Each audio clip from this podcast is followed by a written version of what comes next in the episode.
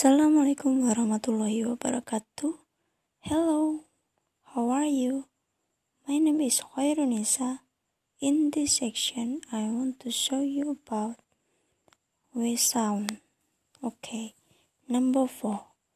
The weather is warm, but the wine is cold.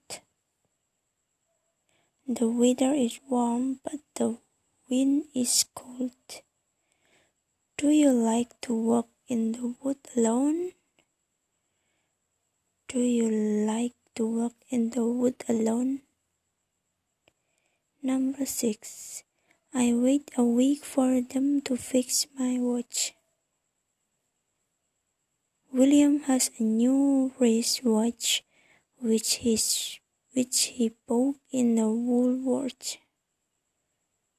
What are you watching through the window? I'm watching those workmen argue with one another. Number 10. Although Wednesday was a cold, windy day, we all went to the wedding. Let's go to the review paragraph. One of Rudyard Kipling's most interesting short stories in the story of Wee Willie Winkie. Wee Willie Winkie was a small boy whose real name was Percival William Williams. And the word wee, of course, is an old Scottish word meaning very small.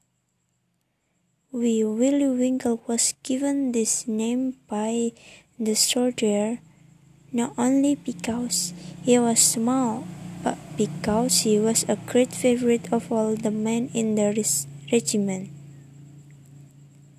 Wee Willie Winkie wished greatly to become a soldier and he tried to imitate the soldier in every way possible. But one day, Wee Willie Winkie performed a wonderful deed.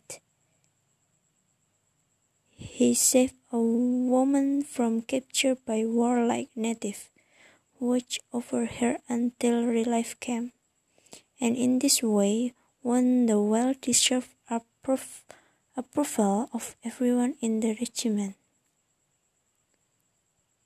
Okay, that's all from me. Thank you. Goodbye.